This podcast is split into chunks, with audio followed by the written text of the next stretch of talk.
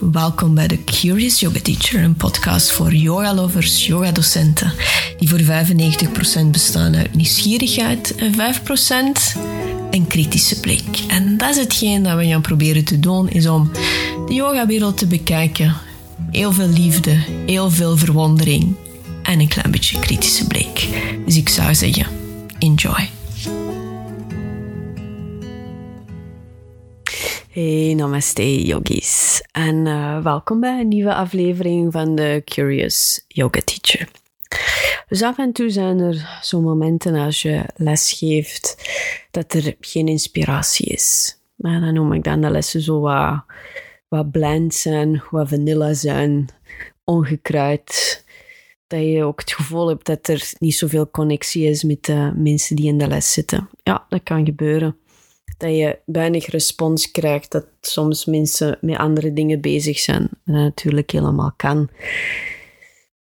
Maar dat is niet leuk als je het idee hebt van, ah, de les was bla, ik heb geen inspiratie niet meer, ik, ik, ik weet niet wat dat er is, en begin je jezelf in vraag te stellen.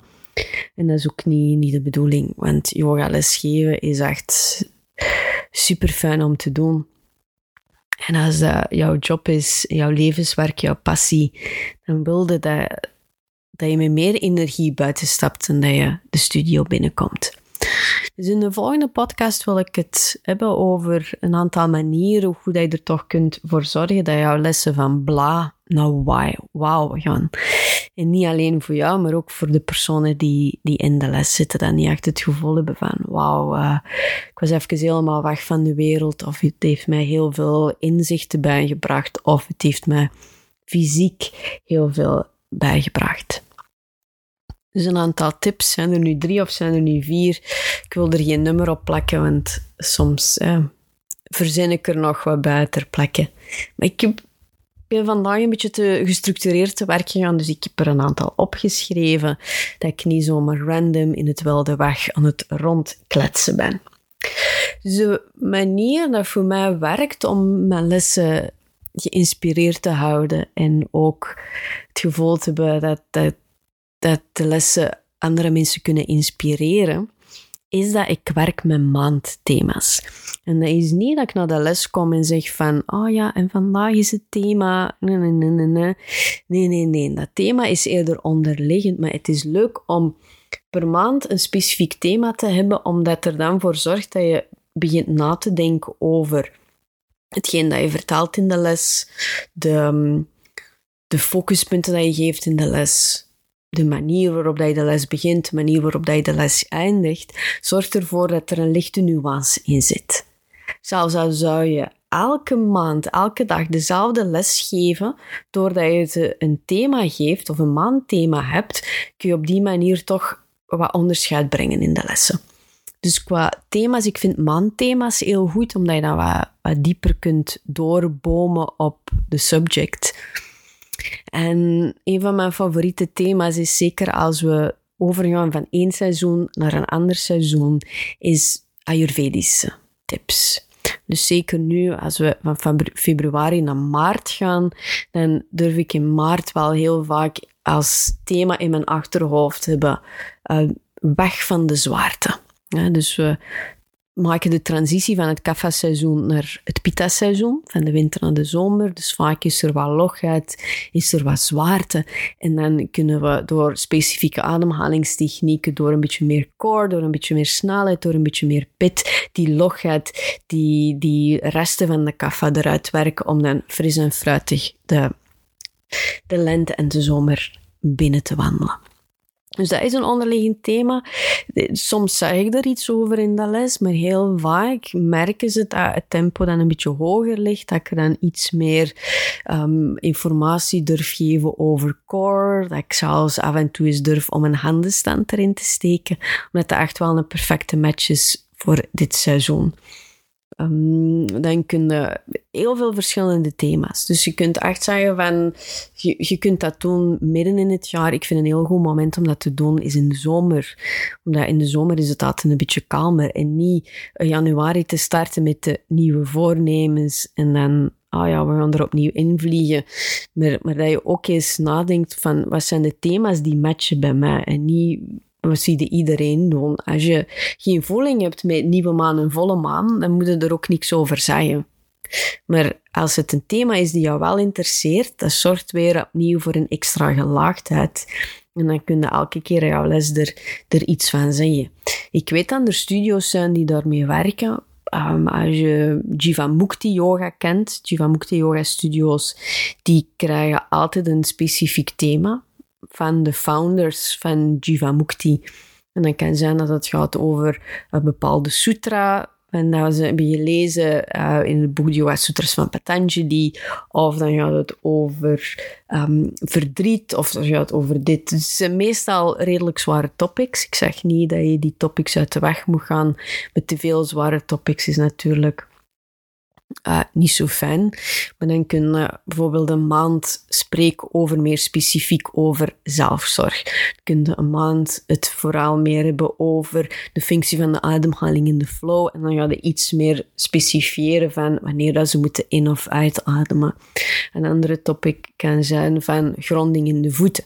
Dus die gronding met de voeten zou een heel goed thema zijn in september alles verandert. De overgang van het Pitta-seizoen naar het Vata-seizoen. Gronding, rust. Dus dat zijn dingen waar ik dan altijd mee speel. En dan hebben ze het gevoel dat mijn manier van lesgeven evolueert doorheen het jaar. En natuurlijk kan ze cyclus terugkomt, maar dat het nooit niet zo random is.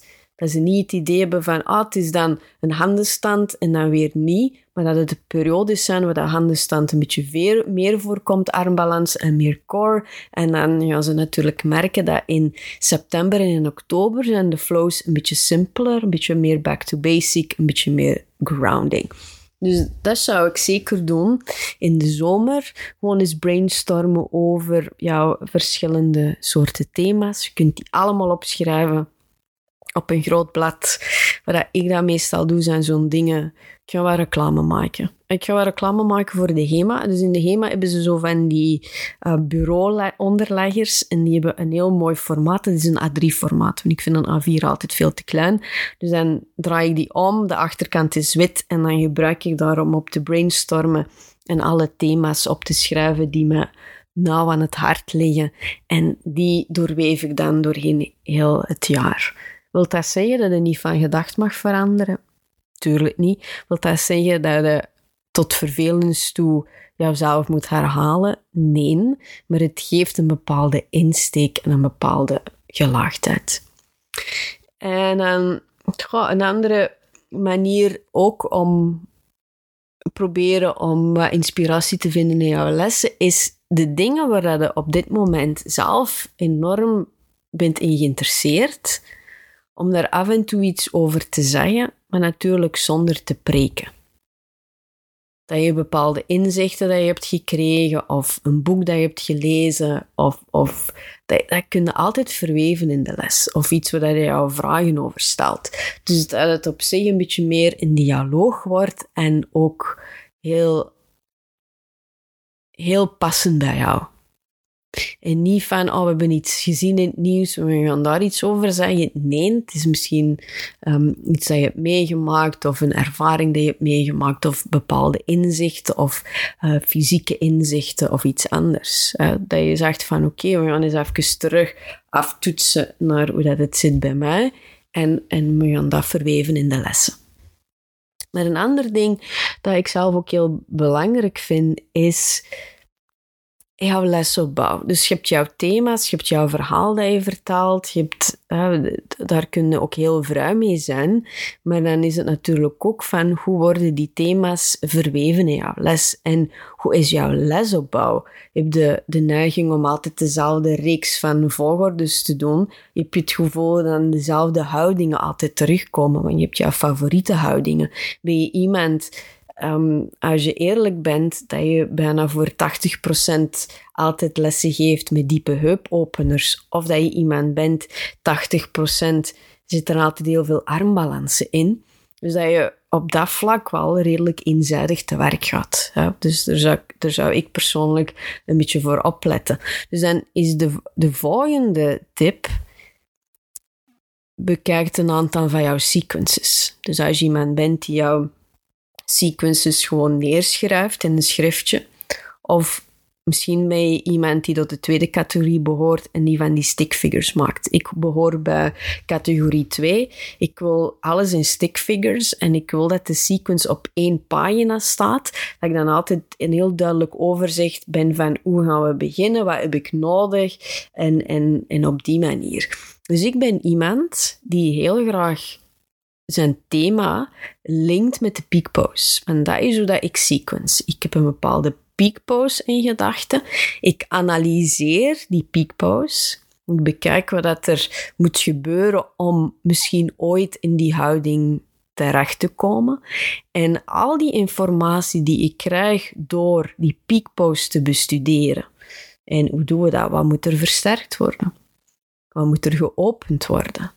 En, en schrijf ik ook allemaal neer als ik dat doe. En dan moet je zorgen als je les geeft, dan al de aspecten van de peak pose ook doorweven zijn doorheen jouw volledige les. En op die manier krijg je het gevoel dat mensen ergens naartoe werken. Zelfs al kunnen ze de peak pose niet, zelfs al doen ze maar een fractie van de peak pose, toch hebben een bepaalde richting. En het is die richting die ervoor zorgt dat je, dat je de mensen het gevoel geeft dat ze op reis gaan. En dat is ook vaak hetgeen dat ik durf zeggen in de les van ik ben de tour operator of ik ben de chauffeur van de tourbus. Iedereen komt op de bus. Maar alleen ik ben degene die weet wat de bestemming is omdat jij weet van wat is de peakpose. En ik ga die peakpose ook nooit niet in het begin zeggen. Want het kan zijn, en ik durf soms dingen te veranderen in de les. En dan denken mensen van, oh, wat is dat? Stel nu dat mijn peakpose dancers pose is, Natarajasana. Nu ga ik niet in, in het begin van de les zeggen van, ah, welkom in de les en vandaag doen we dancers pose.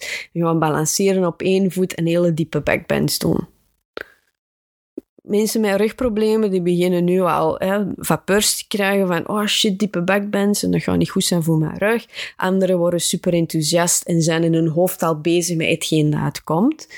Maar dan kunnen we wel als suggestie geven, ah, vandaag gaan we proberen verkennen hoe dat het is om te balanceren op één been, terwijl dat we ruimte creëren in ons lichaam.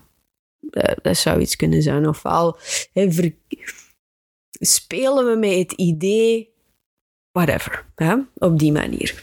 Maar dus het sequencen naar een peak pose geeft voor mij een focus, een richting. En dan zorgt dat er ook voor dat ik dingen uit de sequence haal. Dus stel nu dat je een oude sequence terugvindt van een paar jaar geleden, waarbij dat jouw focus bijvoorbeeld op een staande houding is, dan kun je die oude sequence opnieuw bekijken en dan denken van, wat is de peakpose ervan? En dan elementen ervan in die peakpose ertussen steken. Maar als het gevoel dat mensen het idee hebben van, ah oké, mijn lichaam is, is wat meer voorbereid voor hetgeen dat komt. En niet als ze het gevoel hebben van, oké, ze hebben hier random wat houdingen aan elkaar gekleefd. En dat is het dan. Ja? En doe je een hele les voorbereidingen voor backbands en opeens komt Bakasana. En, dan ben ik altijd degene zoiets heeft van, uh, ik denk niet dat dit de bedoeling is. Hè? Dus dit is ook een beetje als voorbereiding op de cursus dat ik ga geven, de opleiding die, die ik ga geven op 15 of 16 april. Dus ik heb online een Art of Creative, ik heb de naam veranderd naar Art of Intelligent Sequencing uh, gecreëerd. Dus dat is al, denk ik, al twee jaar, drie jaar. Het is volledig online. Maar ik merk dat mensen zoiets hebben van, oké, super interessante cursus, maar dan zit ik daar met die informatie en ik heb geen moment om af te toetsen. Dus wat ik nu heb gecreëerd is Ofwel kies je voor de online cursus, ofwel kies je voor een hybride variatie, waarbij dat we één dag samenkomen. Je krijgt toegang tot de cursus, drie Zoom-calls. En wat er ook gebeurt, is dat je mij persoonlijk een sequence kunt opsturen. Of e-mailen liever. En dan bespreken we één op één waar dan dingen kunnen verbeterd worden, waar dat er nog wat kan aangepast worden. Dus dat ik dan feedback geef op de bestaande sequence. En dan kunnen met die feedback aan de slag om opnieuw jouw uh, andere sequences wat te fine-tunen. Dus mijn tip is ook altijd van, grijp terug naar de sequences dat je alles hebt gemaakt, die, waar je jou goed bij voelde, maar dat je nu wat geëvolueerd bent, recycleert die en verander er kleine details aan. Met als gevolg dat je op die manier elke keer jouw sequence beter gaat maken. Want op het einde van de rit bestaan er niet zoiets als 300 nieuwe sequences. Het is altijd leuk om vijf core sequences te hebben en die te gebruiken als jouw baseline of te gebruiken als jouw template voor wanneer dat je andere dingen doet. En het voordeel van een, een, bepaalde set sequences in jouw toolbox te hebben, is als er dingen veranderen, dat je heel snel in jouw hoofd dingen kunt aanpassen. Dat je als je ziet van oei, er zitten heel veel beginners in de les, dat je op die manier wat kunt fine-tunen, dat je kunt downscalen. Zitten er opeens een paar acrobaten in jouw les, dat je op die manier opties kunt geven, zonder dat je um, de rest van de les het gevoel geeft dat ze niks kunnen dus die manier van sequencing is ook wave sequencing. Het idee dat alles een cyclus is en een aantal keer terugkomt, dat je ook creëert naar een pose. Maar als je, als je zoiets hebt van, oeh, dat klinkt super interessant, daar zou ik graag iets meer over weten, dan moet je gewoon, ik ga flagrant wat reclame maken. Hè. Dan moet je gewoon eens even checken op mijn nieuwe website, www.schoolofvinyasa.be daar heb ik alles um, mooi gestructureerd neergezet. Ja. Dus voor degenen die zeggen van, oh nee, ik weet al genoeg over sequencing, prachtig. Maar dan kun je ook eens nadenken over degene dat al hebt, hebt gemaakt. Dus de eerste tip dat ik jullie gaf van, denk eens na over thema's. Plaats die thema's in een volledig jaar. Dan ook eens denken van, we, hebben, die thema's. Het andere is, kun je de nieuwe inzichten die je hebt verwerken in de les. En dan de derde tip was, neem jouw oude sequences er nog eens bij. Kijk of je die kunt herwerken. Misschien focussen naar het werken van een peak pose. En daarop verder borduren. Ja. Dus ik, ik vind vooral nog een side note bij die sequencing is dat als ik les volg bij iemand anders, spijtig genoeg kan ik dan mijn um, docentenbrein niet echt uitzetten en ik ben heel gevoelig voor overgangen.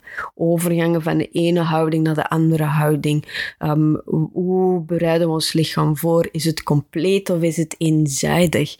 De, dat is ook zoiets. Dus het is niet alleen de, de sequencing en de opbouw, maar het is ook van hoe beweeg je op een veilige manier van de ene houding naar de andere houding. Want het is vaak daar dat er soms een, een ongemakkelijk gevoel is van, ah, oké, een, een voorbeeld dat ik ooit eens lang geleden in een les heb gedaan, van Warrior 1 naar Warrior 2, opnieuw naar Warrior 1, dan naar Warrior 3, dan naar verticale split, dan naar Prasarita Padottanasana. Dus als je zegt van eh, Warrior 1 naar Warrior 2, opnieuw naar Warrior 1 naar Warrior 3. Dat zijn al, Warrior 1 heeft een specifieke heuppositie. Warrior 2 heeft een spe specifieke heuppositie. Dan draai je terug naar een andere heuppositie. Warrior 3 heeft ook opnieuw een andere heuppositie.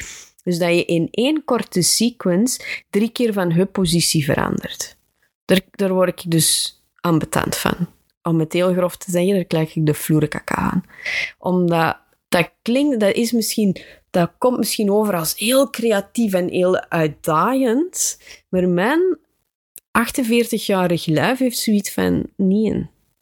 En dat was toen al. Toen was ik in de dertig en had ik ook al iets nee. Het is veel te complex.